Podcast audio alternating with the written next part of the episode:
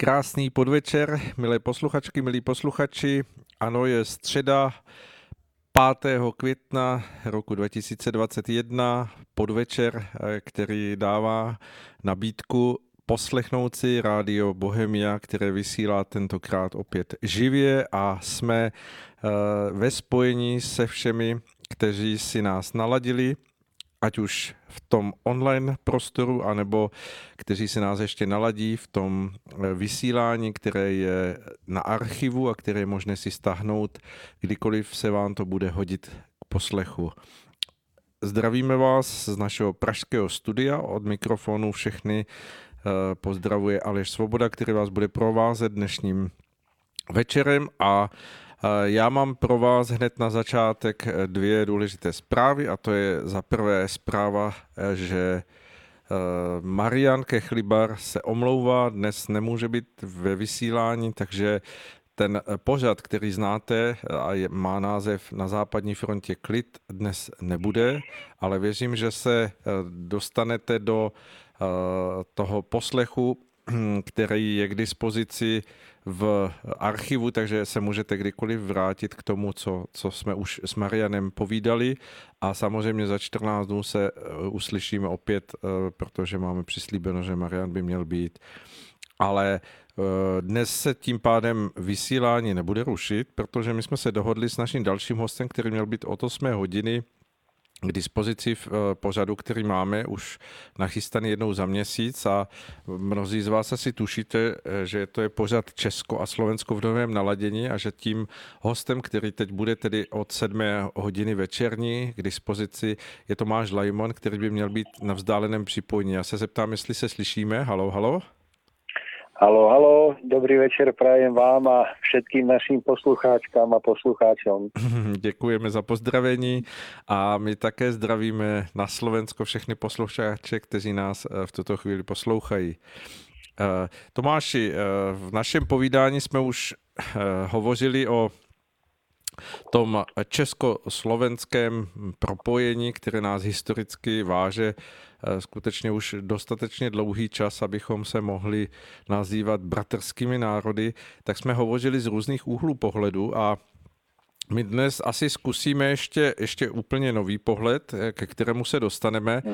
Jen uh, úplně na začátek mě přišlo v posledních dnech, které jsem uh, dokázal věnovat uh, tomu sledování aktuálních zpráv, tak uh, by se dalo říct, že z toho společensko-politického hlediska se nacházíme tak trochu, i když jsme samozřejmě samostatné země, tak trochu na stejné lodi, tudíž, že procházíme jakými si společensko-politickými turbulencemi, které jsou dost nevýdané.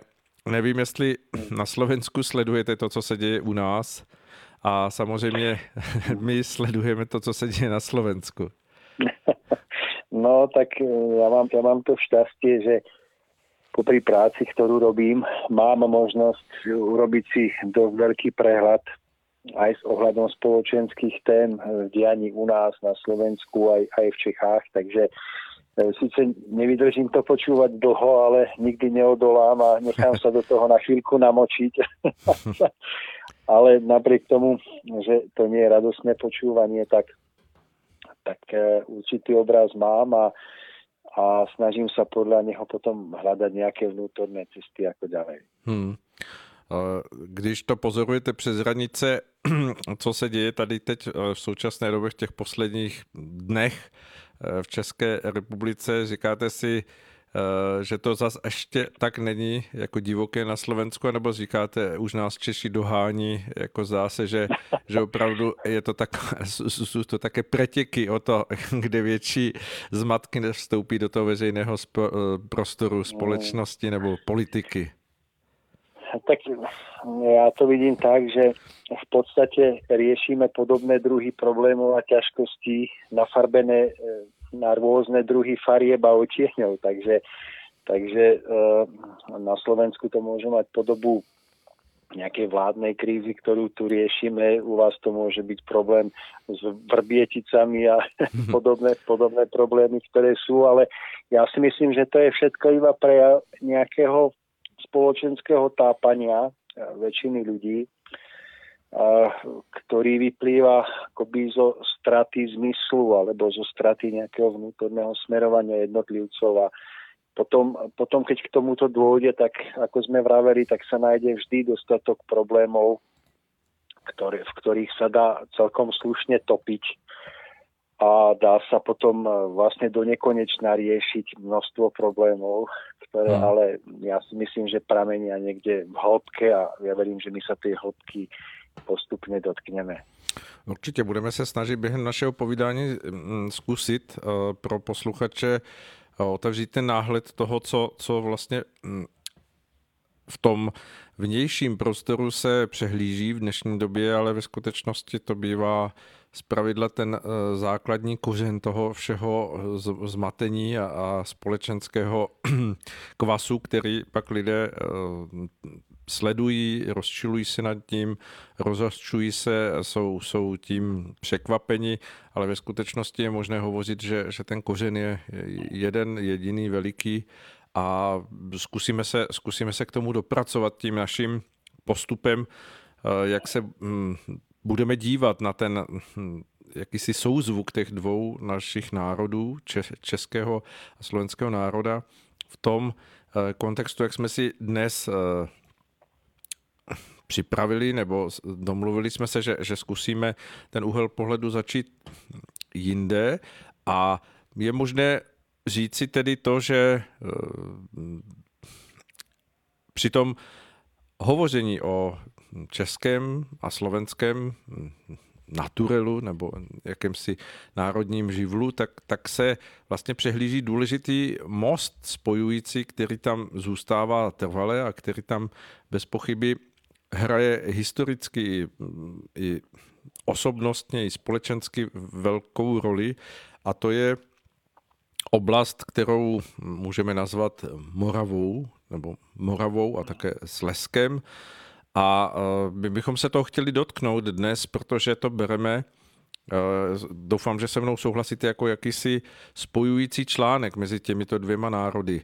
Eh, já se zeptám úplně na začátek. Když se mezi Slováky hovoří o, o, o Čechy, tak eh, samozřejmě eh, v lidech vyvstávají nejrůznější hm, rezonance nebo reakce. A když se ale na Slovensku řekne, že je někdo z Moravy, jak, jaký, jak, jaký je tam přístup? Je, je, je to stejné, jako když se poví, že, že toto jsou Češi a, toto jsou Moraváci? No, tak tak z toho okruhu ľudí, ktorý, ktorý poznám alebo s ktorými som bol v živote v kontakte, tak Morava je spojená s dobrým vínom a s, s tradíciou, ktorá je aj Slovákom veľmi blízka. Takže neviem, či žiaľ alebo našťastie. Ale, ale e, ja si myslím, že Morava je taký, e, taký premostujúci článok alebo taký, taký most medzi Slovenskom a Českom. A e, možno mám aj trošku pocit, že, že tá Morava niekedy tak trošku sa stráca v tieni toho pojmu e, Česká zem alebo Česká republika, aj keď sa riešia nejaké spoločenské otázky, spoločenské témy. Takže nie je to až tak preferovaný pojem, a ja si myslím, že to nie je úplne dobré, pretože, pretože e, vypadá to tak, že Morava, Morava má svoju obrovskú aj spoločenskú, ale predovšetkým nejakú hlbšiu, by som to nazval, duchovnú úlohu e, premostenia nielen medzi Českom a Slovenskom, ale určite aj medzi Polskom. Mm-hmm. A že z tohto hľadiska je, je kesi znovu zrodenie e,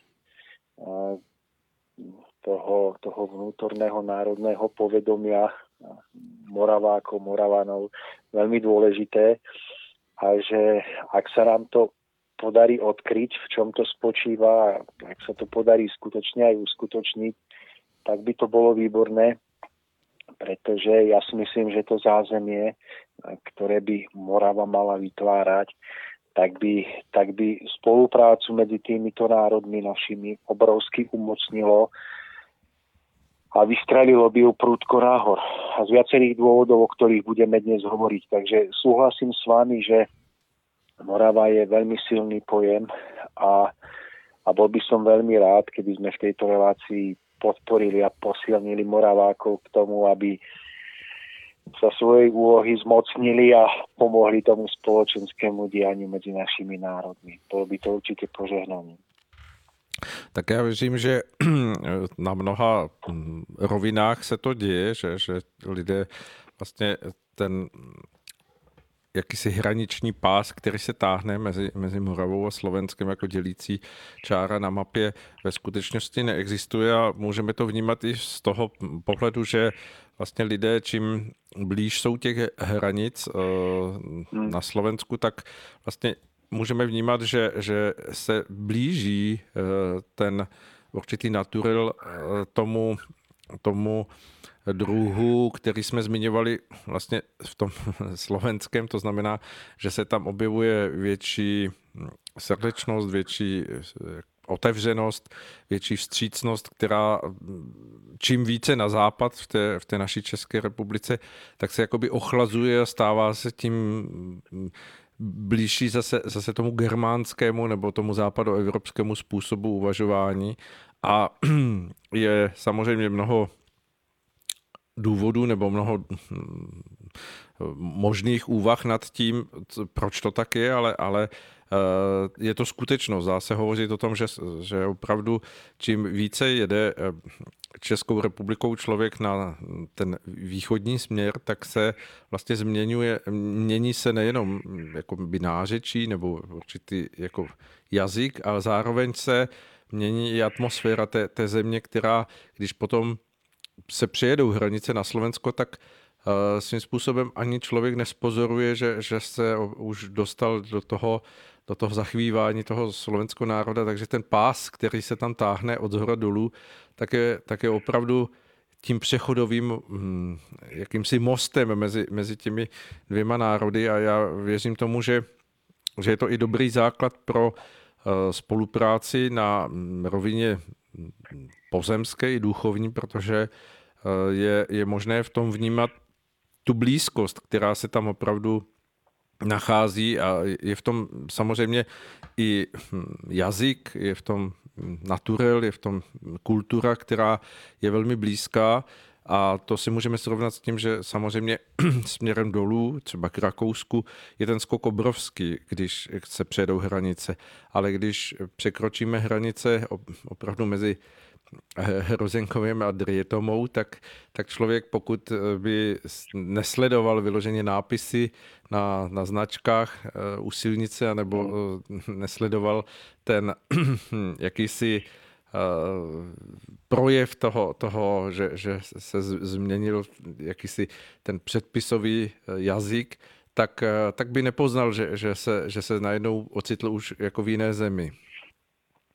Hmm. Z tohoto pohledu můžeme asi hovořit o tom, že ten, ten moravský prostor je jako velký s, s, takový svorník mezi, mezi našimi národy a že z toho eh, pohledu do budoucna eh, samozřejmě, jak vy jste to i zmínil, může se sehrát eh, velmi důležitou roli pro to vzájemné spojování se nebo pro to vzájemné doplňování se obou našich národů.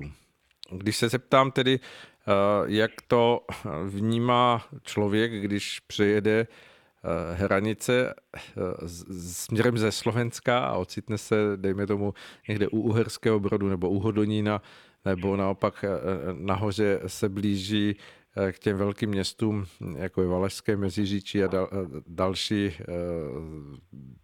směrem nahoru na sever eh, města, která se tam objevují. Jak to, jak to vnímá člověk, který překročí hranice ze Slovenska, no. že se ocitl na Moravě?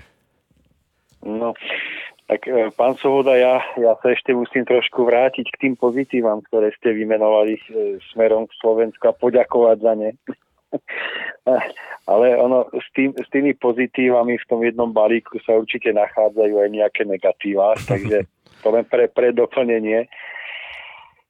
A e, ja si myslím, že je to, je to zaujímavé, že keď sa pozrieme na Česko akoby z výšky, robíme si nejaký letecký záber, tak vidíme, že ono je celkom prirodzene akoby ohraničené od okolitých krajín horstvom. Uh-huh. A A práve na území Moravy sa to horstvo ako keby stráca a vytvára sa prepojenie vlastne medzi, medzi Českom a Slovenskom. Je to celkom tak nejak prírodne, akoby prírodou dané. A ja napríklad, keď e, cestujem ku vám do Čiech, tak to vnímam, tak to vnímam e, dosť intenzívne, pretože samozrejme tá krajina je iná a to zachvievanie krajiny je vždy trošku iné, je úplne iné na Slovensku aj v rámci jednotlivých regiónov, je úplne iné na Morave a svojím spôsobom je iné aj v Čechách. Ja veľmi rád obdivujem v Čechách to, čoho my máme menej než vy a na tom si uvedomujem trochu aj rozdielnosť krajiny a možno, že aj histórie, že na, na, na, v Českej zemi sa nachádzajú krásne historické stavby, hrady, rôzne zámočky, a také stavby, ktoré lahodia oku aj duchu a ktoré na Slovensku máme, máme v o mnoho menšom počte. A samozrejme, tie povestné rybníky, ktoré tam na mnohých miestach máte, na Chov Kaprov, čo tiež je e, veľké dedictvo vašej histórie. Takže ja keď prechádzam Moravskou a potom už Českou krajinou a ideme ešte viacej na západ, tak tak si uvedomujem tú obrovskú rozdielnosť histórie práve, práve v tom, aké stavby vznikali u nás, aké vznikali u vás. A e, keď pozorujem túto vašu českú krajinu, a samozrejme napríklad pozorujem vaše české rozprávky alebo filmy, ktoré máte nádherné a majú veľkú históriu a tradíciu, tie rozprávky o kráľoch a princeznách a sú točené na pekných hradoch a máte vynikajúcich hercov, cez toto všetko tak trochu dostávam do, do takej mm, českej pohádky. Do, do, do niečoho krásneho, čo možno, že u nás e, v takej miere nie je, pretože u nás v minulosti sa viacej pracovalo na poli, boli sme viacej takým a robotnejším národom a možno viac v područí Maďarov. Takže taká tá pohádkovosť u nás až tak nebola.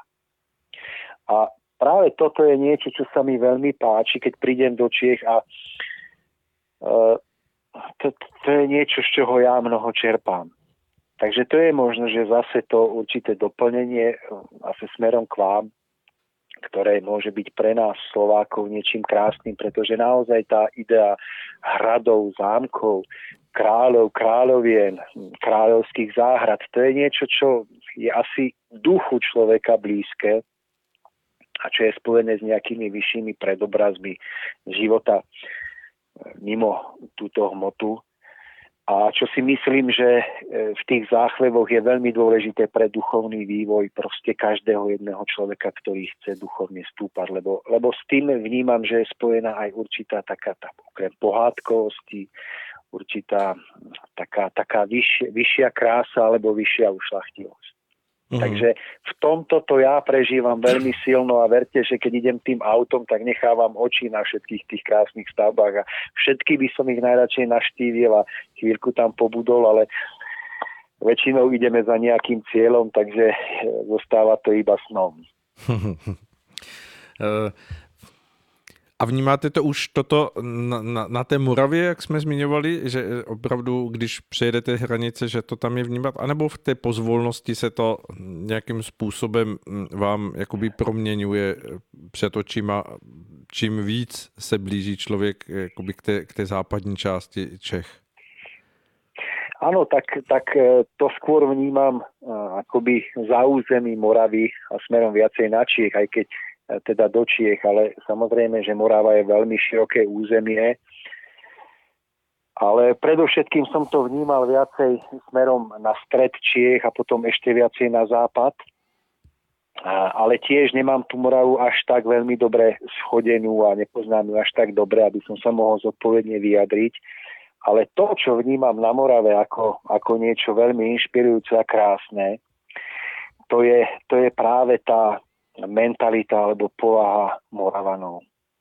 Samozrejme, že aj, aj povaha Čechov je, ako vravím, krásna v inom druhu, ale tá mentalita Čechov mi príde byť taká skutočne premostujúca, niečím taká taká jednoducho no skrátka moravácka. no a preto, preto si myslím, že my jednoducho nemôžeme preskočiť tento most, ale, ale musíme ho začleniť do tejto našej spolupráce a do, do spriadania myšlienok o spolupôsobení na nejakej vysokej duchovnej spoločenskej úlohe medzi Českom a Slovenskom. Takže, takže v tomto to vnímam ako niečo veľmi dôležité, predovšetkým toto vnútorné, mentálne, duchovné, kultúrne premostenie, ktoré, ktoré by malo byť potom zhmotnené aj do určitého zázemia, ktoré by sa mohlo na Morave jednoducho vytvárať, aby aj geografická poloha jednoducho Čechova, Slovákov, tá diálka, ktorá je od stredu Čiech napríklad do stredu Slovenska, nebola až tak veľká, čím by sa veľmi pomohlo komunikácii, ehm, vzájomnému tvoreniu myšlienok a plánov. Hmm. No, vy jste zmínil hm, ten mentalitu nebo hm, jakousi eh, naturel toho, toho moravského dušu národa. Du, du, du, duši eh, Moravy a my si můžeme v tomto směru asi hm, tady připomenout tři takové hlavní jména, která jsou spojená eh, s tím moravským naturelem a přesto jako by si získala srdce, věřím tomu, eh, Moraváku, Čechu i Slováku a z jejich odkazu je možné čerpat asi eh, ještě na, na hodně dlouho pro všechny hm, zmíněné národy. A to, když půjdeme v historickém nějakém kontextu, tak, tak uh, asi všichni budou souhlasit s tím, že to jedno jméno, které je hodně silné a které je takřka u hranic eh, Moravy se Slovenskem, je Jan Amos Komenský, který skutečně se narodil eh, na dohled těch, těch slovenských eh, Karpat, hmm. které tam začínají hned, hned kousek od, od jeho rodiště.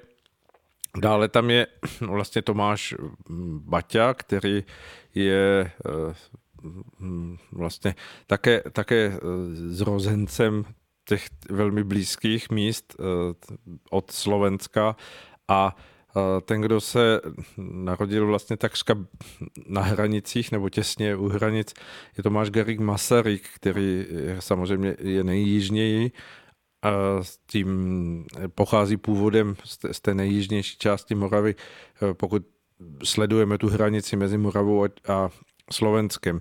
Tak pojďme pohovořit tady o těchto třech osobnostech, jak jsou vnímány, eh, dejme tomu, v tom svém odkazu, jak, jak tedy u nás v Čechách, tak, tak i na Slovensku, protože troufám si říct, že všichni tři mají jakýsi přesah eh, do toho, do toho prostoru, o kterém se tady bavíme, o těch, o těch dvou národech, které bez pochyby byly mm, tady těmi osobnostmi nějakým způsobem dotčeny a ovlivněny. Hmm. Jak, jak je vnímán na Slovensku Komenský? Eh, dá se, dá se hovořit, že, že i tam platí za učitele národů, nebo, nebo no.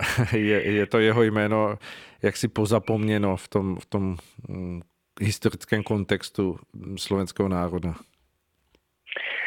No ja by som možno, že ešte malilinko mm, sa, sa vrátil uh-huh. a, a e, zvýraznil tú zaujímavosť. Pre mňa skutočne novú a, a takú veľmi inšpiratívnu, že no, sú to všetko osobnosti, ktoré, ktoré hýbali nie len českými, ale aj slovenskými dejinami a že je skutočne zaujímavé, že pochádzajú z tohoto, z tohoto e, pásu, dá sa jednoducho mostu, ano. z tohoto mostu alebo z tohoto pásu medzi Českom a Slovenskom, ako by skutočne bolo potrebné, aby tá osobnosť mala v tej svojej vnútornej výbave, v povahe niečo z toho, z toho žiarenia aj slovenskej, aj českej strany. A je to zaujímavé, že aj keď, aj keď potom, dajme tomu, tá osobnosť putovala svetom, Európou a v podstate už nebola viazaná na tú oblasť, tak ako keby z tej oblasti mm, si prinášala niečo, čo ju schopňuje vytvoriť most aj na jednu, aj na druhú stranu. Uh-huh. Tak, tak toto je pre mňa niečo skutočne zaujímavé a inšpirujúce, že, že práve tieto osobnosti mali vo svojej výbave niečo, niečo, tak, eh, niečo tak, tak úžasné. Já když jsem přemýšlel nad těmito třemi osobnostmi, tak jsem si říkal, že v jednom zásadním rysu asi budou velmi jako blízcí právě i tomu slovenskému naturelu a to je právě ta jejich cestovatelskost po světě, protože dá se říct, že všichni tři eh, cestovali za hranice eh, do, do z hlediska tehdejších jejich uh, životů do, do vzdálených krajů a vlastně všichni tedy byli jakými si putovateli a získávali eh, tu, tu zkušenost, která je potom obohatila, aby vyzráli v tu osobnost a jakousi uh, přínosnost toho, toho svého vstupu nebo toho vkladu do, do, do místa, kde, kde můžeme vnímat, že působili jako, jako hm, ve svém povolání nebo ve svém druhu té, té své vnitřní hmm. naplněnosti odkazu, který byli schopni potom předat. Můžeme hovořit, Komenský za mlada byl vlastně cestovatelem po německých krajích, studoval na několika hmm. místech v Německu, Eh, Tomáš Baťa, i když ne každý to o něm ví, tak eh, v době, kdy získával zkušenosti pro ty svoje eh, jakési vize a plány, tak odjel do Ameriky, nechal se zaměstnat u Fordovy továrny na automobily, aby zjistil, jak to všechno funguje s tím, že mezi tím jeho bratr se staral o, o, o, tu, o ten tehdy ještě maličký podnik a on když se vrátil, tak se vlastně pustil do té veliké výstavby. No a o Tomáši Gariku Masarykovi se asi dá hovořit, že to byl opravdu světoběžník, protože ten eh, obkroužil celou země kouli, protože víme, že v čase první světové války, kdy se snažil získávat pro myšlenku samostatného československého státu eh, podporu ve všech světových zemích, tak skutečně procestoval všechny země no a přes Rusko nakonec obkroužil planetu Zemi eh, různýma hmm. cestama, dopravníma prostředkama a v Americe získal podporu pro, pro vlastně tu důležitou jakousi zásadní vyhlášenost té, té podpory Československého státu. Eh, dá se tedy říct, že, že třeba v této věci jsou tito tři eh, muži Eh, blízcí jako slovenskému vnímání, že, že treba vycestovať, aby sa člověk vrátil o, o, o dostatečně obohacený a, a posílený. Tak, tak vidíte, ako to bolo v minulosti, že ak chcel človek dozrieť a chcel vedieť, eh, uvedomiť si hodnotu toho, čo má vo svojej domovine, tak skutočne musel precestovať veľkú časť sveta a získať mnoho cenných skúseností a niekedy aj bolestných, pretože ako vravíte, tak tie, tie osudy týchto našich velikánov boli častokrát spojené s obrovským seba zaprením a obetavosťou a bolesťou.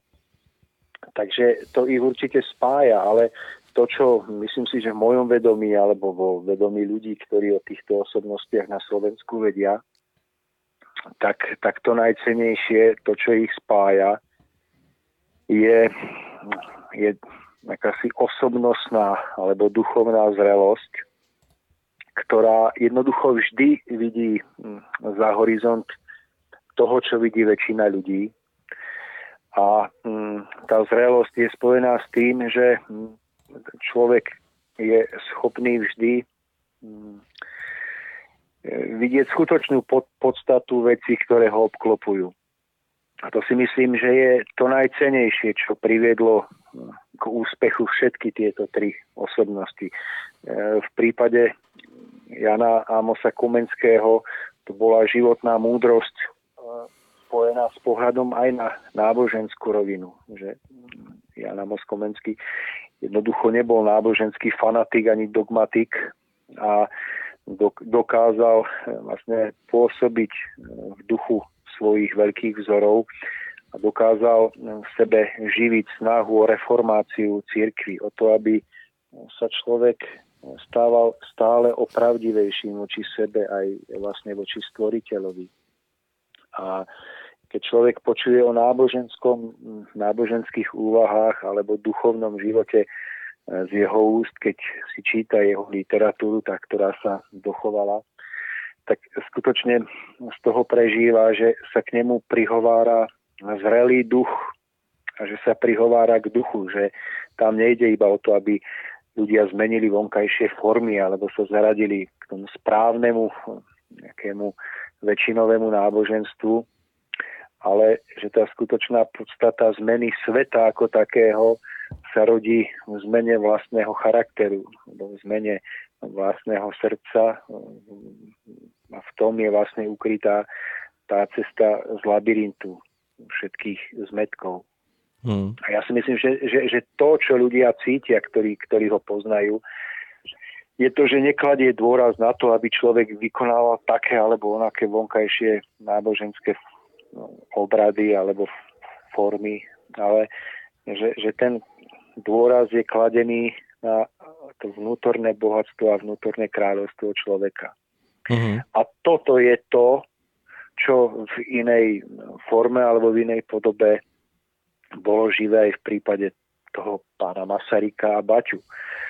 Pán Masaryk to na rozdiel od Komenského akoby naprel do tej spoločenskej roviny, jednoducho oslobodenia sa toho štátu od vonkajších vplyvov a zase bol za tým ten vnútorný rast jednotlivcov, pretože vedenie k demokracii bolo v jeho poňatí neodmysliteľné spojené s uvedomovaním si osobnej zodpovednosti človeka za svoj život.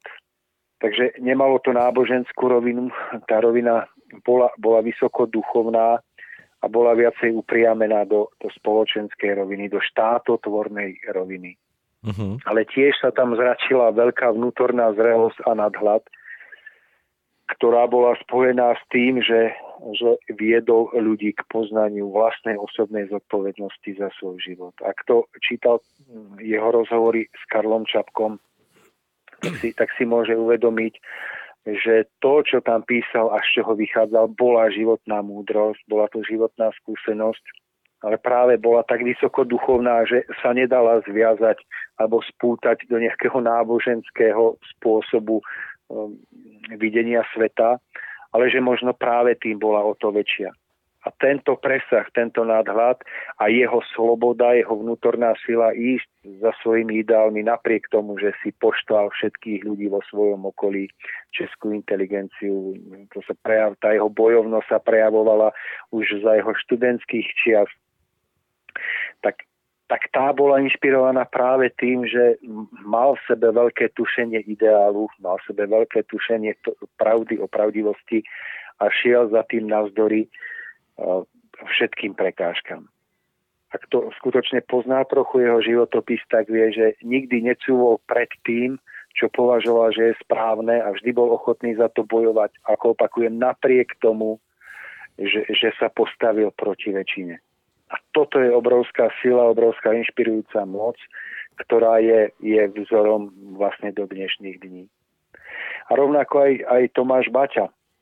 Ja som býval vo Svite, to bolo jeho mesto, ktoré vytvoril tak ako Zlín, uh-huh. takzvaný Gottwaldov. A v podstate ja som videl pečať jeho výchovy na ľuďoch, ktorí ešte žili a boli moji susedia. To bolo niečo nádherné, pretože oni oni nehovorili o náboženskosti, o duchovných veciach, ale ich spôsob života svedčil o tom, že v sebe majú rozvinutú prirodzenú pravú duchovnosť. Uh-huh. Keby ste videli tie nádherné záhrady popred bytovky, ktoré si oni sami vysadili, obhospodarovali.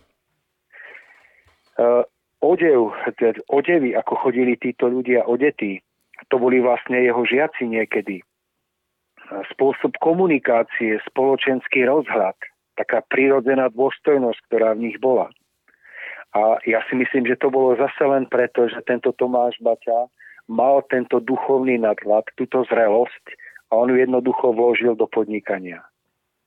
Komenský ju vložil do náboženskosti, do takej tej prírodzenej duchovnosti, prezident Masaryk to vložil do, do tej štátotvornosti a on to vložil v podstate do podnikania a každý jeden z týchto troch v danom odvetví dokázal urobiť obrovskú revolúciu a reformu, ktorá je inšpirujúca aj dodnes.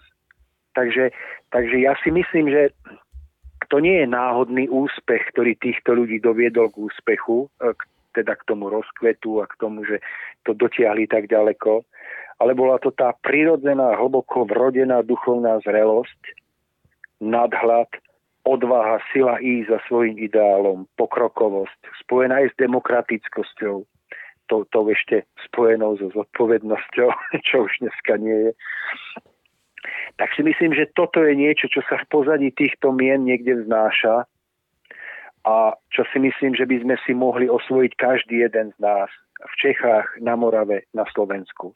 A či už sa táto, táto zrelosť nadhľadu prejaví v živote každého jedného z nás zase v úplne iných rovinách, úplne nových odvetviach, to je už druhoradé, ale základom toho všetkého sú tieto inšpirujúce vlastnosti a cnosti, ktoré títo velikáni mali.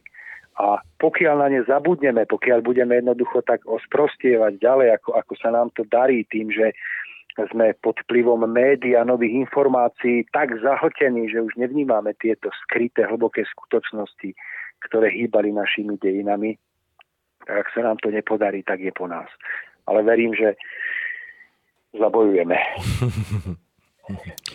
Takže toľko môj krátky prejav na vašu otázku jednu. ja a ja si... som sa tak prirodzene rozohnil s kávou v ruke, takže...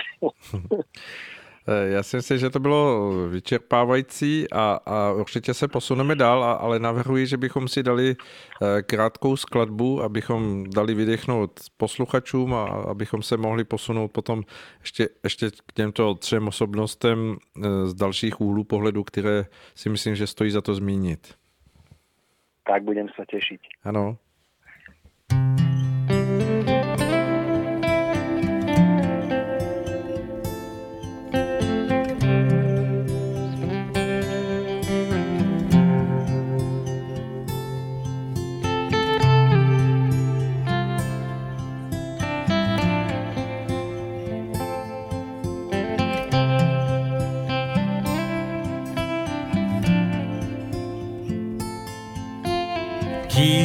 máš na svojich cestách hviezdu, čo svieti v tmách. Stále je dôvod dúfať, stále je za čím stáť.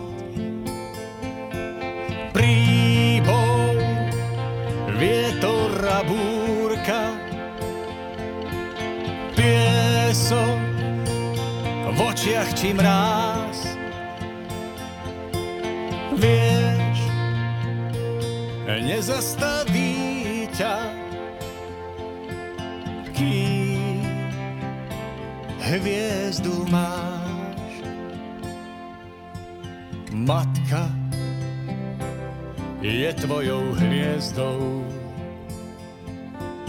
hviezdou, čo svieti v tmách. Chránil, kým ti svieti, odzvodne jej svetlo, nevidíš sám. Ona o tebe vie, aj keď nič nepovie.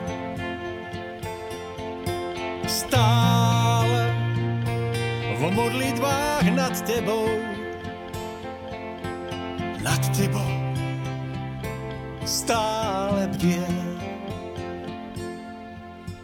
Človek vyletí z hniezda, skúša preplávať oceán.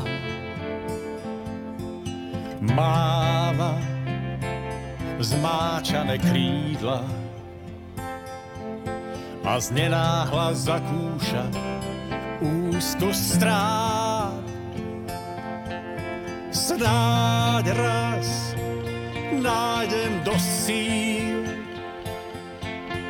vráti sa o pár míl a vzmôcť sa na slova ďakujem. Že som sa narodil. Snáď raz nájdem dosť síl vrátiť so pár míl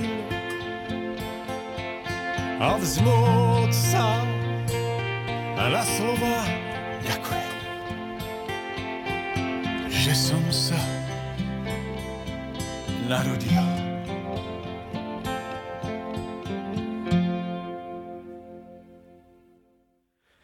Tak to byla píseň jednoho hm, populárního slovenského barda, kterého si samozřejmě posluchači mohou hm, dohledat a zjistit, že je to opravdu vycházející hvězda v těchto, v těchto skladbách, které jsou samozřejmě většinou s kytarou a s takovým lehkým doprovodem.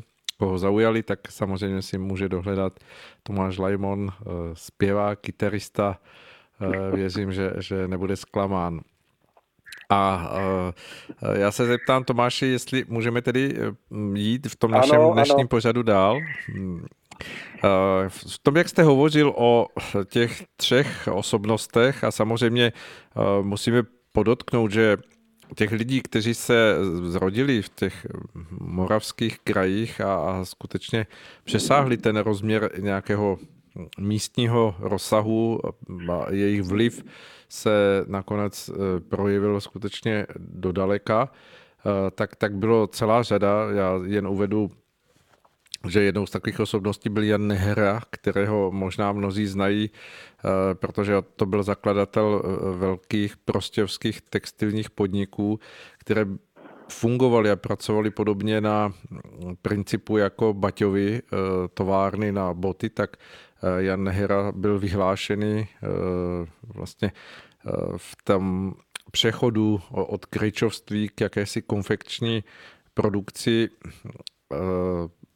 oděvů a e, měl velice propracovaný systém, kde, kde, kde vlastně se vycházelo také velkým způsobem vstříc požadavkům zákazníka, přesto to byl jakoby tovární produkt a jeho myšlenky byly stejně hm, takové tvořivé a nápadité jako, jako Baťové myšlenky eh, v oblasti obuvy a, a těch dalších produktů, kterým se věnoval.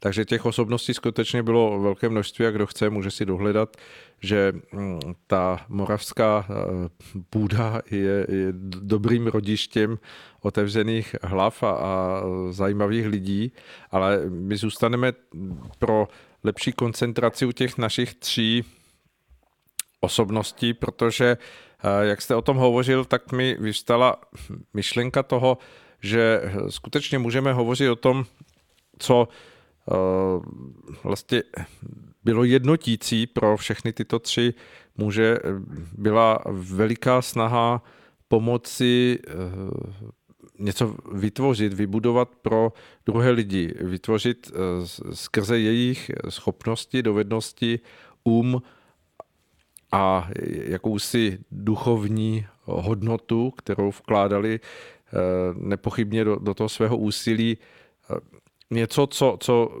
mělo mít přesah pro druhé lidi. Každý působil v tom svém druhu, který byl je, jemu vlastní, takže můžeme hovořit o tom, že Jan Amos Komenský byl učitel na té duchovní rovině, eh, Tomáš Gerik Masaryk byl učitel v té, v té filozoficko-společenské rovině. A mm, Tomáš Baťa byl eh, vlastně učitel v tom, mm, jak, jak se nejlépe snažit eh, v té, v té hmotné rovině vytvářet podmínky, aby lidé mohli eh, tvořit velice efektivně a velice progresivně hodnoty, které opět zase mohly přinášet jim mm, povzbuzení do toho, do toho jakéhosi Eh, komfortu každodenního života. A je možno říct, že vlastně eh, tyto všechny tři osobnosti měly v sobě veliký přesah, který, kdyby je nezastavil v, té, v tom buď eh, tehdejším nastavení věcí, to znamená, že skutečně buď ne, neměli možnosti ty své myšlenky prosadit, anebo vlastně i ten jejich pozemský čas byl vyměřen do nějaké míry, takže nebylo umožněno, aby přivedli skutečně úplně k tomu svému nejvyššímu rozkvětu ty, ty své zkušenosti, schopnosti, dovednosti, ale přesto ten otisk toho jejich společného jakéhosi jednotného duchu, jednotného ducha nebo jednotného druhu přístupu spočíval v tom, že od určitého stupně skutečně všichni v sobě nesli tu velikou snahu být prospěšnými pro co největší počet lidí v tom druhu, ve kterém se stali eh, do určité míry mistry. A eh, v tomto směru si myslím, že, že se dá hovořit o tom, že skutečně jsou eh, trvalými vzory pro každého z nás v tom, že jestliže překročí člověk svoji vlastní hranici toho osobního rozměru, tak se před ním otevírá pole působnosti, kdy skutečně může přinášet, eh, pokud vyvine všechnu svoji vnitřní sílu k tomu, aby byl prospěšným tomu prostoru, ve kterém se tady na Zemi nachází, tak eh, může být tím, kdo v té prospěšnosti po sobě nechá veliký otisk pro druhé lidi. Vy jste zmiňoval, že hm, si pamatujete nebo si vzpomínáte na to, že hm, jste se setkal s lidmi, kteří ještě v sobě nesli ten odkaz toho Baťova způsobu přemýšlení, jednání, hm, chování se vůči druhým lidem. Tam samozřejmě můžeme vycházet z toho, že jeho myšlenky byly zastaveny nejenom jeho vlastní eh, pozemskou smrtí, ale eh, potom i těmi nepřejícími okolnostmi druhé světové války a potom, co následovalo, protože hm, jeho myšlenky skutečně mysleli na celou hm, Československou eh, republiku nebo Československý stát, který pro něho znamenal půdu, aby vytvořil co nejlepší možnosti k rozvoji a eh, jakési eh, ekonomické prosperitě celého toho rozměru státu, protože on když přemýšlel, tak skutečně přemýšlel o, o této zemi, kde žil od Aše až po vlastně, pohumené. No, nejenom pohumené, tam patřila i západo Karbatská Ukrajina, takže vlastně no. až, až po nějaké Mukačevu nebo až, až vlastně do těch hmm. částí, kdy dokonce v projektech jeho myšlenek byla rychlodráha, která měla vést až k Černému moři, aby se lidé, kteří pracovali v jeho továrnách a, a skutečně odváděli e, svou energii pro to společné tvoření, mohli je rekreovat do toho e, moře, které on vnímal, že by mohlo být nejblíž e, v té dosažitelnosti, protože samozřejmě z, té, z toho regionu západo západní Ukrajiny to nebylo už tak daleko, takže jeho myšlenky sahaly skutečně eh, v takovém velikém přesahu do, do, do té budoucnosti, která žel se nenaplnila tak, jak on si představoval, ale přesto ten jeho otisk byl eh, veliký jak v Čechách, tak na Slovensku. Jak, eh, jak to vidíte z vašeho pohledu? Je na Slovensku možné hovořit o nějakých podnikatelích nebo hm, osobnostech, eh, které, které vychází třeba z Baťova odkazu, nebo dá se hovořit, že, že i tam ten jeho přesah zanechal nějakou stopu inspiraci? Hmm. Tak ťažko, pretože to obdobie komunizmu, ktoré nastalo, všetky tieto nádeje v zárodku zmarilo pretože, pretože on, bol, on bol v podstate podnikateľ, ktorý vychádzal e, z idei kapitalizmu a súkromného vlastníctva, samozrejme spojeného so zodpovednosťou a mnoho ľudí inšpiroval, napríklad aj môjho detka, pretože môj detko bol jeden z prvých, ktorý mal tu e, na Orave e, dielňu na, na vlastne opravovanie aut. Uh-huh. Má zamestnaných dosť veľa ľudí, mal tam ťažké stroje, lisy a tak ďalej No a v 51. alebo v 52. mu to jednoducho znárodili. No a samozrejme išiel do štátneho podniku a v jeho dvore na jeho strojoch robili cudzí ľudia. Takže, takže tá idea vlastne toho baťovského princípu, to, tej sily, toho, toho progresu myšlienkového bola obrovská, ale bola takýmto spôsobom zašliapnutá. No a keď, keď ste potom 50 rokov e, vlastne v systéme, ktorý vám nedovolí mm-hmm. nič robiť a slobodne sa hýbať, a zomrie tá generácia ľudí, ktorá na to pamätala, tak potom prakticky sa začína skoro od znova. A táto hmm. generácia už o Baťovi nevie skoro nič. Takže, takže, eh, takže v tomto smere to bolo dosť smutné a môj detko na to dosť ťažko doplatil, tak ako jeden z mnohých, pretože bol, bol vynikajúci podnikateľ, bol jednoducho hm, predovšetkým z môjho pohľadu dobrý človek a ťažko potom znášal toto zlomenie a musel sa zdať mnohých ideálov, ktoré ako mladý vníma, že by ich mohol naplniť. Takže moja odpoveď na vašu otázku je, že vyrástlo by mnoho bačov, mnoho nových bačov aj na Slovensku, mm-hmm.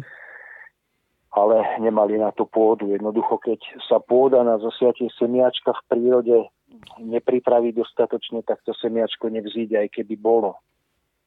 A to si myslím, že sa stalo u nás. Ale nechcel by som, nechcel by som, aby to vyznelo ako, ako plač nad rozliatým liekom, ale tak to jednoducho bolo.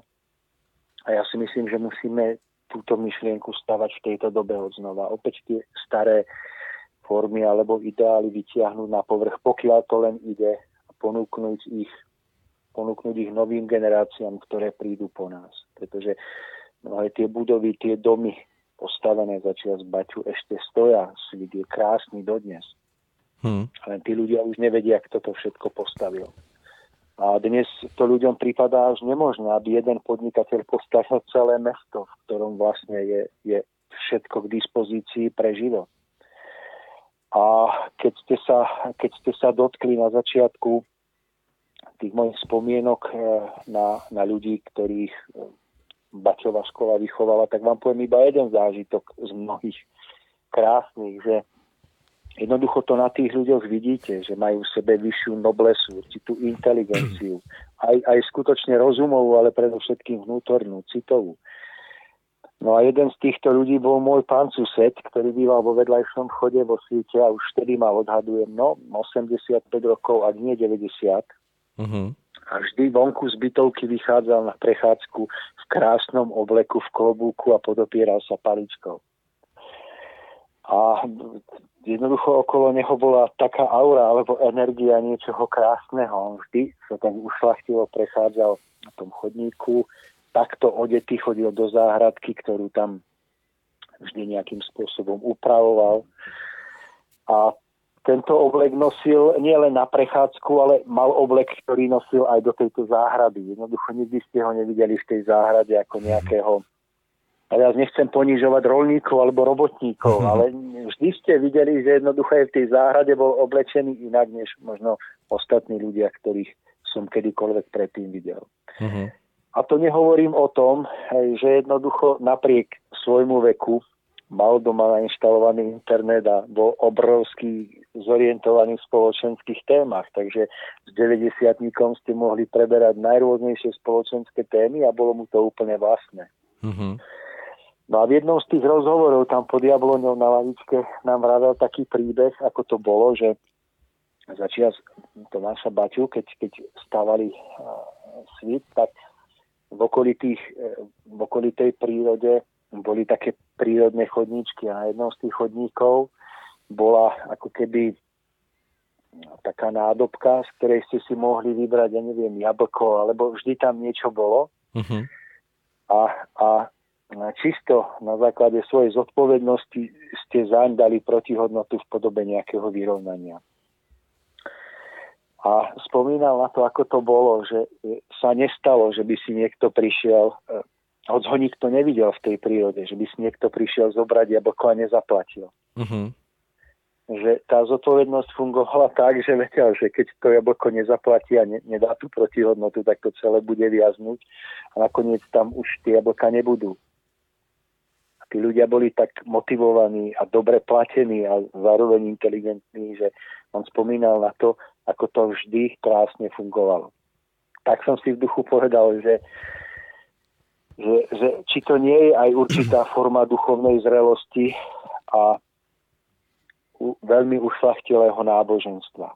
Pretože toto sa niekedy nepodarí ani v tých najnáboženskejších spoločenstvách. A mal som predtým obrovskú úctu. Uh-huh. On se dá hovořit o tom, že uh, vlastně tito tři pánové, tyto tři osobnosti svým způsobem v tom, tom moravském klínu vytvořili uh, každý v tom svém druhu působení opravdu mm, vzor nebo určitý předobraz toho, jak by měli uh, vypadat lidé působící v těch nejdůležitějších lidských oborech.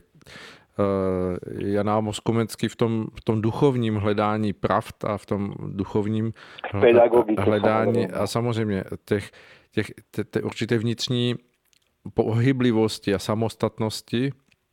Tomáš Garik Masaryk vlastně to stejné přenášel do té, do té osobní zodpovědnosti spolupodílení se na, na společenském vývoji, v tom, aby lidé skutečně přejímali tu svoji osobní angažovanost, pokud chtějí věci měnit, aby se dokázali tím správným způsobem zapojovat do toho veřejného života a v něm působit, aby vlastně nezůstávali v té pasivitě a jenom si nestěžovali, že to někdo dělá špatně a oni s tím nesouhlasí.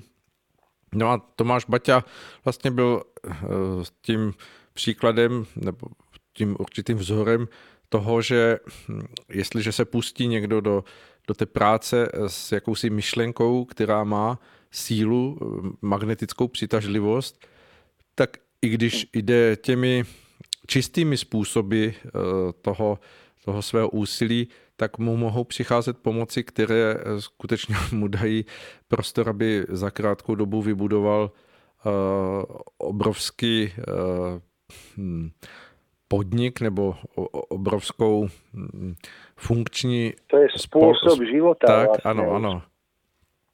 Že, že vlastně může vytvořit eh, v té, v té hmotné rovině něco, co, co skutečně spojí to, ten výdělek toho každodenního chleba a zároveň eh, to posouvá i ten jakýsi standard eh, společenského bydlení. A mně přijde, že všechny ty tři osobnosti, a teď mm, doufám, že s náma budou souhlasit naši posluchači, že hm, vlastně probouzeli v tom svém působení eh, eh, hrdost a jakési sebevědomí, které si troufám říct v dnešní době je úplně rozleptané. Eh, vlastně oni se nedívali přes hranice, kde to dělají tak, aby se to od nich dalo okopírovat, ale od určitého stupně všichni tři tito pánové šli vlastními cestami, razili ten svůj osobitý pohled na věc a předávali ho dále. A vlastně ta generace, která se vždy z toho jejich způsobu směla odvíjet jako v, té, v tom převzetí toho, toho určitého druhu zachvívání té jejich osobnosti, tak jak i vy jste vzpomínal toho svého souseda,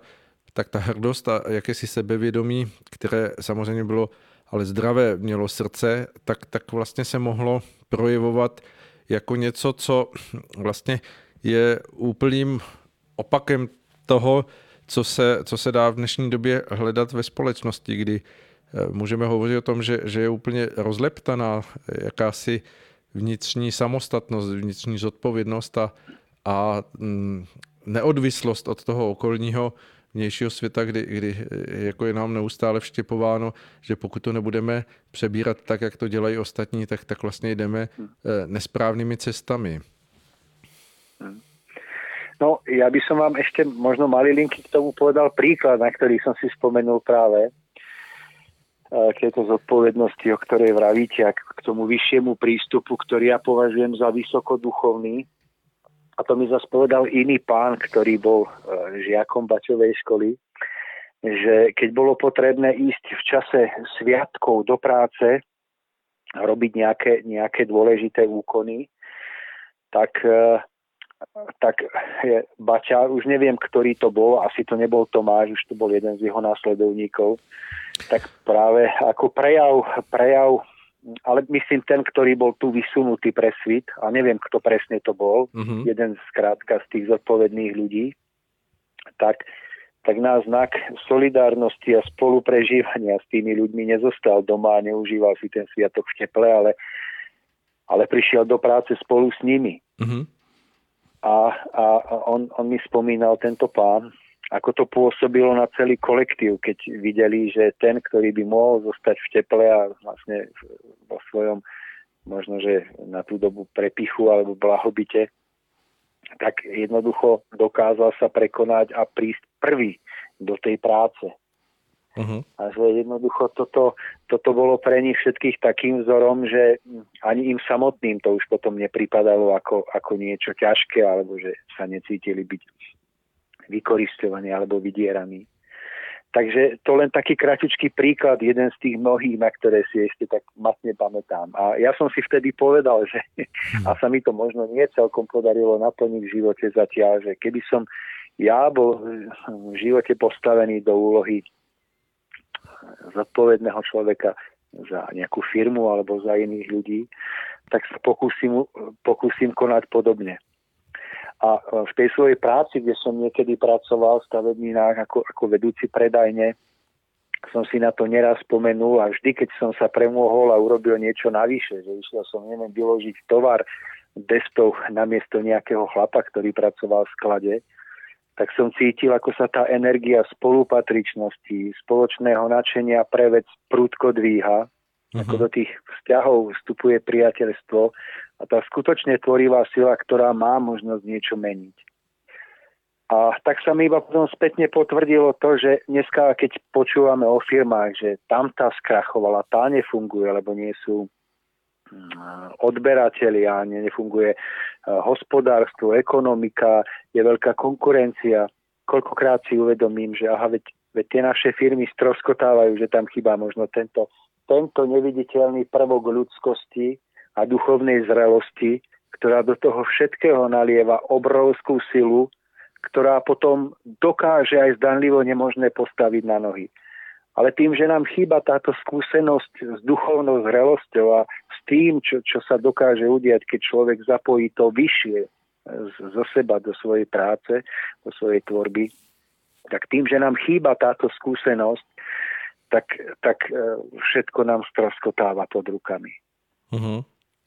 Tak eh, o hm, Tomáši Baťovi je známo, že on o tom období 30. let, kdy skutečně celým světem lomcovala hospodářská krize a podepisovala se velmi dramatickým způsobem na, na ekonomikách nejenom osobních eh, nebo firemních, ale eh, opravdu celostátních, kdy celé státy se dostávaly do dluhové inflační pasti a hroutily se eh, vlastně měnové hodnoty, tak on o té době prohlásil, že to není eh, krize ekonomická nebo hospodářská, ale krize eh, morální a mravní. A to vlastně zaznělo z úst člověka, který vlastně byl podnikatel, jak jste říkal, člověk vlastně pracující na tom principu kapitalismu, který se potom samozřejmě dostal do té roviny toho, že že to jsou eh, lidé, kteří parazitují na, na práci jako druhých. Hmm.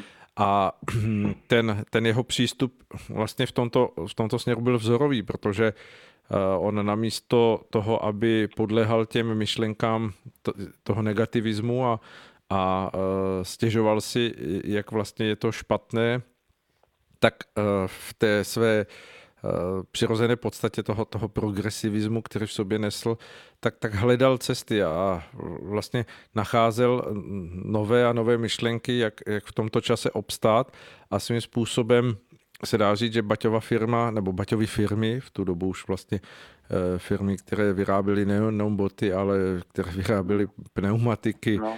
Eh, letadla, a, které, které vlastně podporovaly eh, kinematografii. Takže jeho firmy vyšly vlastně z tohoto období velmi posíleny, ve velmi, velmi dobré kondici, což si myslím, že, že je jako příklad pro dnešní dobu, kdy také mnoho lidí má tendenci spíš hledat ty cesty k tomu, že, že si eh, stěžují a vlastně dostávají se do té pozice, jak, jak jsou jakoby byti, byti, byti nebo oběti eh, těmi vnějšími podmínkami, ale eh, v tomto směru Tomáš Baťa dal vzor toho, že v každé, v každé podmínce nebo v, v každých podmínkách, v každé situaci je možné hledat cesty, jak, jak se vlastně posunout výš, jak se z toho dostat, dostat jakoby do té pozitivní roviny.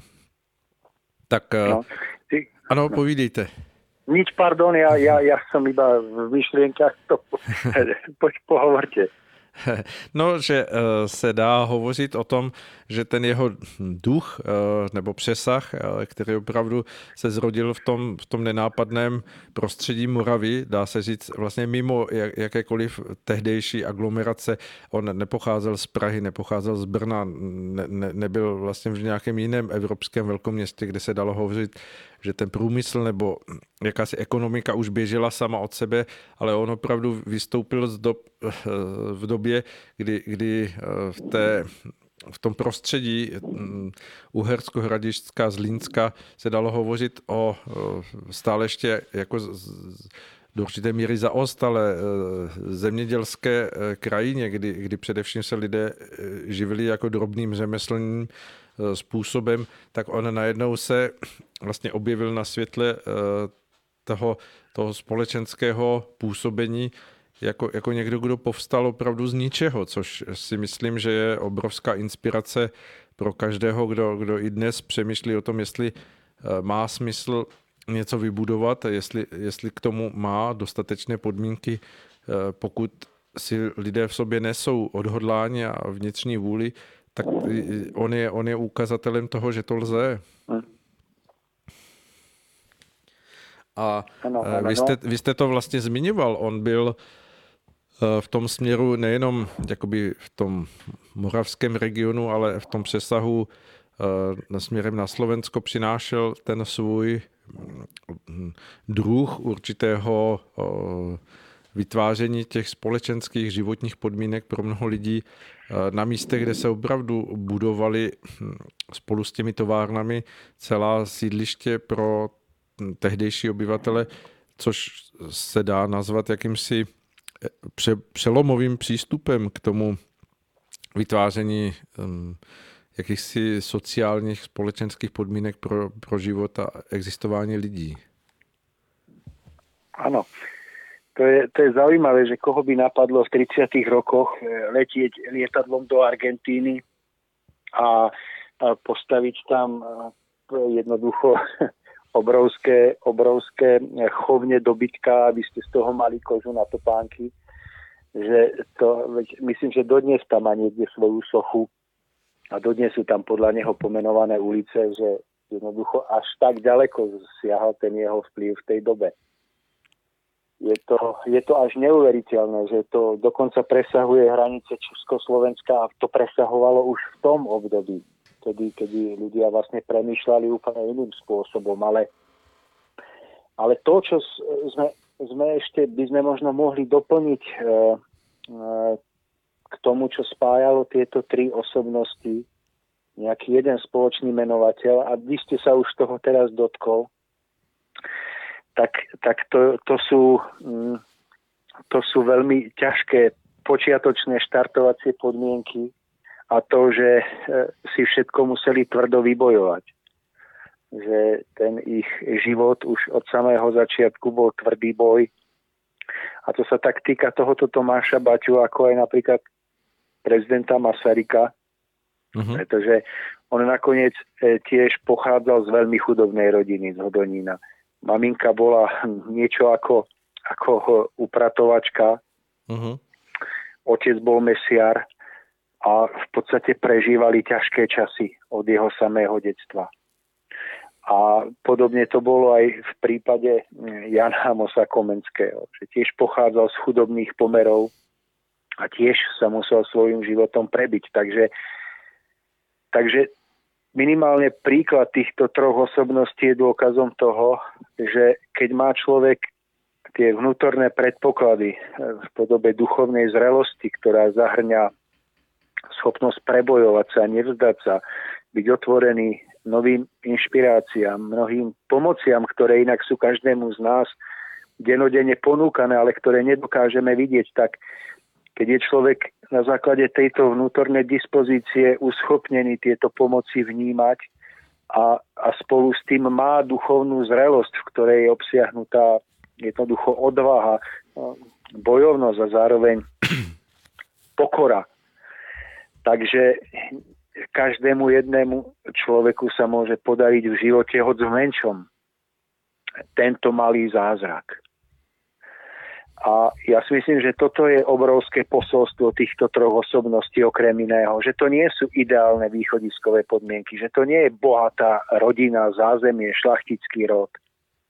Že, že to nie je um, proste to, že sa narodíte pod nejakou dobrou hviezdou, ale to, že sa dokáže človek prirodzene poprať alebo dokáže sa pobiť s tými okolnostiami, ktoré mu život postaví tým správnym spôsobom, že, že to ťažké považuje za vízu, nie za dôvod na to, aby rezignoval alebo obviňoval za to svoje okolie alebo, alebo osud.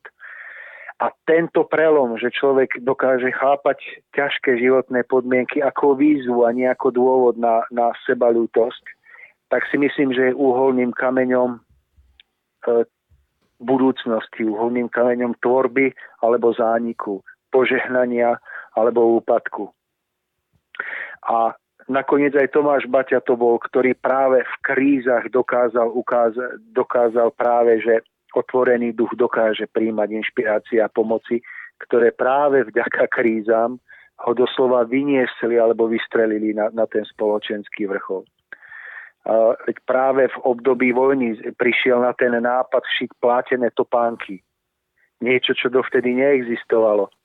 A práve toto obdobie a práve napríklad toto napriek tomu, že predtým skrachoval alebo mal veľké problémy s firmou, jednoducho dokázal sa postaviť a ísť ďalej. Takže, takže ja to ešte zabalím do takého balíka toho, o čom vravíme, že nie ideálne štartovacie podmienky, ale, ale vnútorná duchovná zrelosť, ktorá sa nezdáva, nestavia sa človeka do role obete, chudáka, zkrátka človeka, ktorý by mal prepadnúť seba ľútosti, ale naopak človeka, ktorý v tej kríze nájde silu k seba prekonaniu a, a k veľkým zázrakom. Uh-huh. A nakoniec aj život Tomáša Garika Masaryka bol, bol toho príkladom. Veď, veď on sa dostal na, dá sa povedať, na samé dno, dá sa povedať, českých dejín a prítomnosti e, vlastne toho času, keď žil a pôsobil, veď bol odsudený celou spoločnosťou. Jeho rodina žila v hrozbe, vlastne v strachu o svoj holý život. Musel emigrovať do, Čie, e, teda do zahraničia, do Ameriky. Uh-huh. A to je zaujímavé, že, že napriek tejto nepriazni dokázal vlastne vybojovať toto veľké dielo. Takže toto ich ešte určitě spája. Bez pochyby to, co vy říkáte, je vlastně jakási inspirace pro každého z nás v dnešní době, že vlastně toto, toto jsou lidé, kteří Ehm, osobnosti, které poukazují na to, že to, co jeden eh, může vnímat jako nepřízeň osudu a nechat se tím zlomit, tak tyto lidé eh, vlastně všechny tyto těžkosti toho svého kráčení životem brali jako výzvy, jako, jako mobilizaci jejich vlastních sil, jako určité eh, vyburcování k tomu, aby eh, dokázali vlastně se nejenom vzepřít tomu, co, co proti ním v tu v danou chvíli stálo jako překážky, ale naopak, aby to otočili do toho, do toho svého vzestupu, jak hm, tedy vzestupu uh, duchovního, tak i toho pozemského, protože všichni tři vlastně svůj život končili v jiné rovině, než jak, jak ho začínali. To znamená, vy jste to řekl velice hezky, nikdo z nich nebyl tím, kdo by se narodil, jak se říká, se stříbrnou lžičkou v puse, ale no. opravdu všichni začínali vlastně z pozic, které jako se dá říct, mohly, mohly být od začátku od označené jako outsiders. Outsidery. Outsidery. Ano, jako, jako ti, kteří opravdu se mm, vlastně mohli velice snadno zařadit do toho jakéhosi šedého davu, kde, kde se vlastně nechali semlít těmi okolnostmi jako mnoho dalších lidí a, a vlastně jejich jména by nebyla vůbec nikdy znějící v té, v té historické rovině. Takže berme to jako jako dar, jako výzvu a jako, jak, jako určité požehnání té, té krajiny, o které jsme hovořili na začátku, že vlastně ta, ta moravská půda dala možnost k tomu, aby vlastně v těch jejich prostorách přišli eh, do toho našeho hm, prostoru střední Evropy takovéto osobnosti. No, ale je to zaujímavé aj v tom, že ja si to aj prežívam čiastočne, že že e, napriek ťažkým okolnostiam, napriek ťažkému osudu je, je pokiaľ človek v sebe zvíťazí vnútorný boj a, a má v sebe oživenú tú, tú skutočne prirodzenú vnútornú zrelosť, duchovnú, ona je potom spojená aj so zrelosťou samozrejme tou osobnostnou ako takou, že, že človek e, dokáže byť rozhľadený, dokáže dokáže vidieť príležitosti. Takže že tento stav, tento stav, ktorý môže dosiahnuť každý človek, jednoducho človeka spája s akýmsi neviditeľným vnútorným vedením, ktoré je tajúplné, je, je, je, je neviditeľné svojím spôsobom, ale vidieť jeho účinky v tom, že, že takto nastavený človek dokáže v správnom čase prísť na tie správne myšlienky, dokáže sa stretnúť s Danliho náhodou, s tými správnymi ľuďmi a, a tí ho dokážu posunúť zase o krok ďalej na jeho ceste. Až, až nakoniec dokáže urobiť ten veľký obrad a e, z neúspešného outsidera sa stane veľká osobnosť.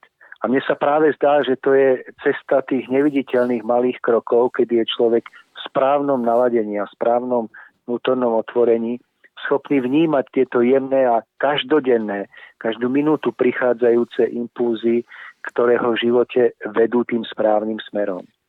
A ja si nemyslím, že úspech alebo šťastie alebo požehnaný život je, je výsledkom vonkajších okolností, ktoré by človeku jednoducho padli tým najideálnejším spôsobom do života, ale že je výsledkom tohoto každodenného vnútorného nastavenia, otvorenia človeka, ktoré dokáže počúvať tie jemné vnútorné impulzy vedúce z kroka na krok ďalej.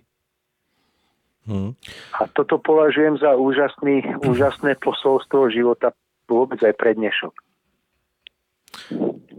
Ano, je to tak a, a jak znovu připomínám, to co, to, co tady e, spolu hovoříme, tak je vlastně jakýmsi Mm, symbolickým odkazem toho, toho spojujícího mostu eh, Moravy, toho místa, ze kterého skutečně eh, můžeme vnímat vzešly jako velmi zajímavé osobnosti a jejich působení může přinášet inspirace trvale jak směrem do Čech, tak, tak samozřejmě i na Slovensko. Tak doufejme, že, že to bude hmm, pro mnohé eh, lidi něčím, co je povede k zamyšlení nebo co je povede k tomu, aby eh, přestože se mnozí mohou nacházet v dnešní době v pozici jakéhosi nekomfortu, to znamená, že, že se cítí být stlačeni těmi vnějšími okolnostmi a tím tou atmosférou, která ve společnosti panuje, tak aby, aby se nenechali tím zlomit, ale naopak pod inspirací těchto osobností, aby se tomu svému osudu postavili s plnou silou a snažili se těmi čistými cestami jít ku předu tak, aby vlastně změnili svůj život k tomu, že se stane jakousi přirozenou eh, inspirací zase pro další lidi, kteří jsou v jejich okolí. Hmm. Nevím, Tomáši, dostáváme se úplně k závěru našeho vstupu, tohoto, tohoto našeho dílu. Tak eh, jak tedy ukončit to naše dnešní povídání, které vlastně začalo tím, tím spojujícím mostem v regionu Moravy pro vlastně národy Česka, české země a, slovenské země. No.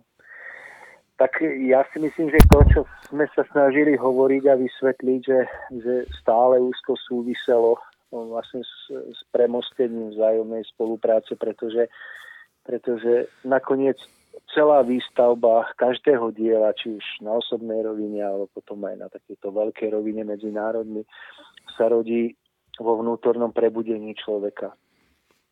V tom, že sa z role obete postaví do role odvážneho e, bojovníka, e, človeka, ktorý je ochotný jednoducho e, napriek nepriazni osudu hľadať príležitosti.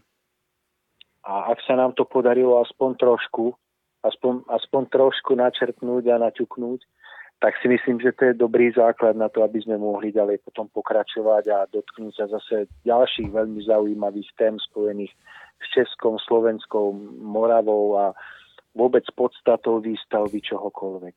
Mm-hmm. Čohokoľvek veľkého a požehnaného. Mm.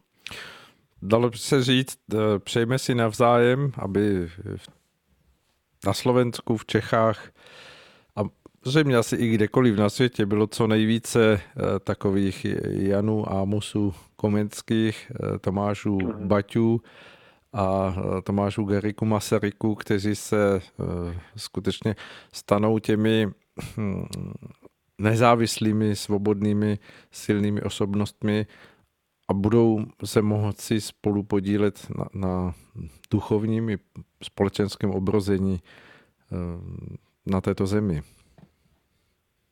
Určite. Ja, ja by som možno k tomu ešte dodal, že, že to ani neznamená to, že tieto osobnosti boli hneď ideálne alebo hneď vo všetkom e, bezchybne konajúce, že, že aj cesta takýchto ľudí prechádzala vývojom, poznaním, možno aj osobnými sklamaniami a osobnými vnútornými bojmi, ale e, a možno niekedy aj nesprávnymi rozhodnutiami, ale to všetko patrí k životu a je to správne, pokiaľ to nakoniec vedie k duchovnému dozreťu a tej požehnanej pomáhajúcej práci. Takže aj toto nás spája s nimi, že každý z nás môže robiť v živote mnohé nesprávne rozhodnutia, mnohokrát sa potkne, ale musí vedieť vstať a, a ísť na tej ceste ďalej. Takže, takže ja sa veľmi teším na to, ak sa nám podarí opäť sa spolu takto zísť a mhm. tkať spoločné formy spolupráce ďalej.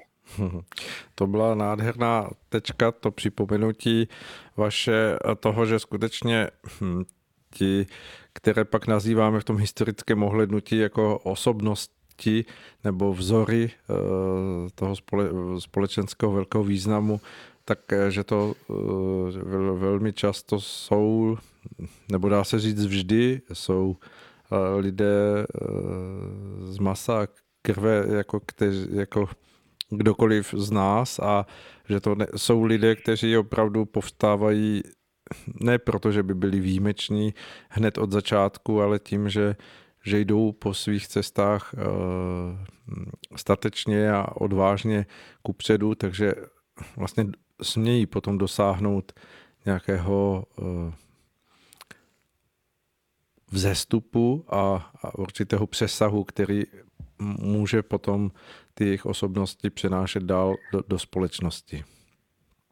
Kež by takoví politici, podnikatele a duchovní byli skutečně na mnoha místech našich zemí.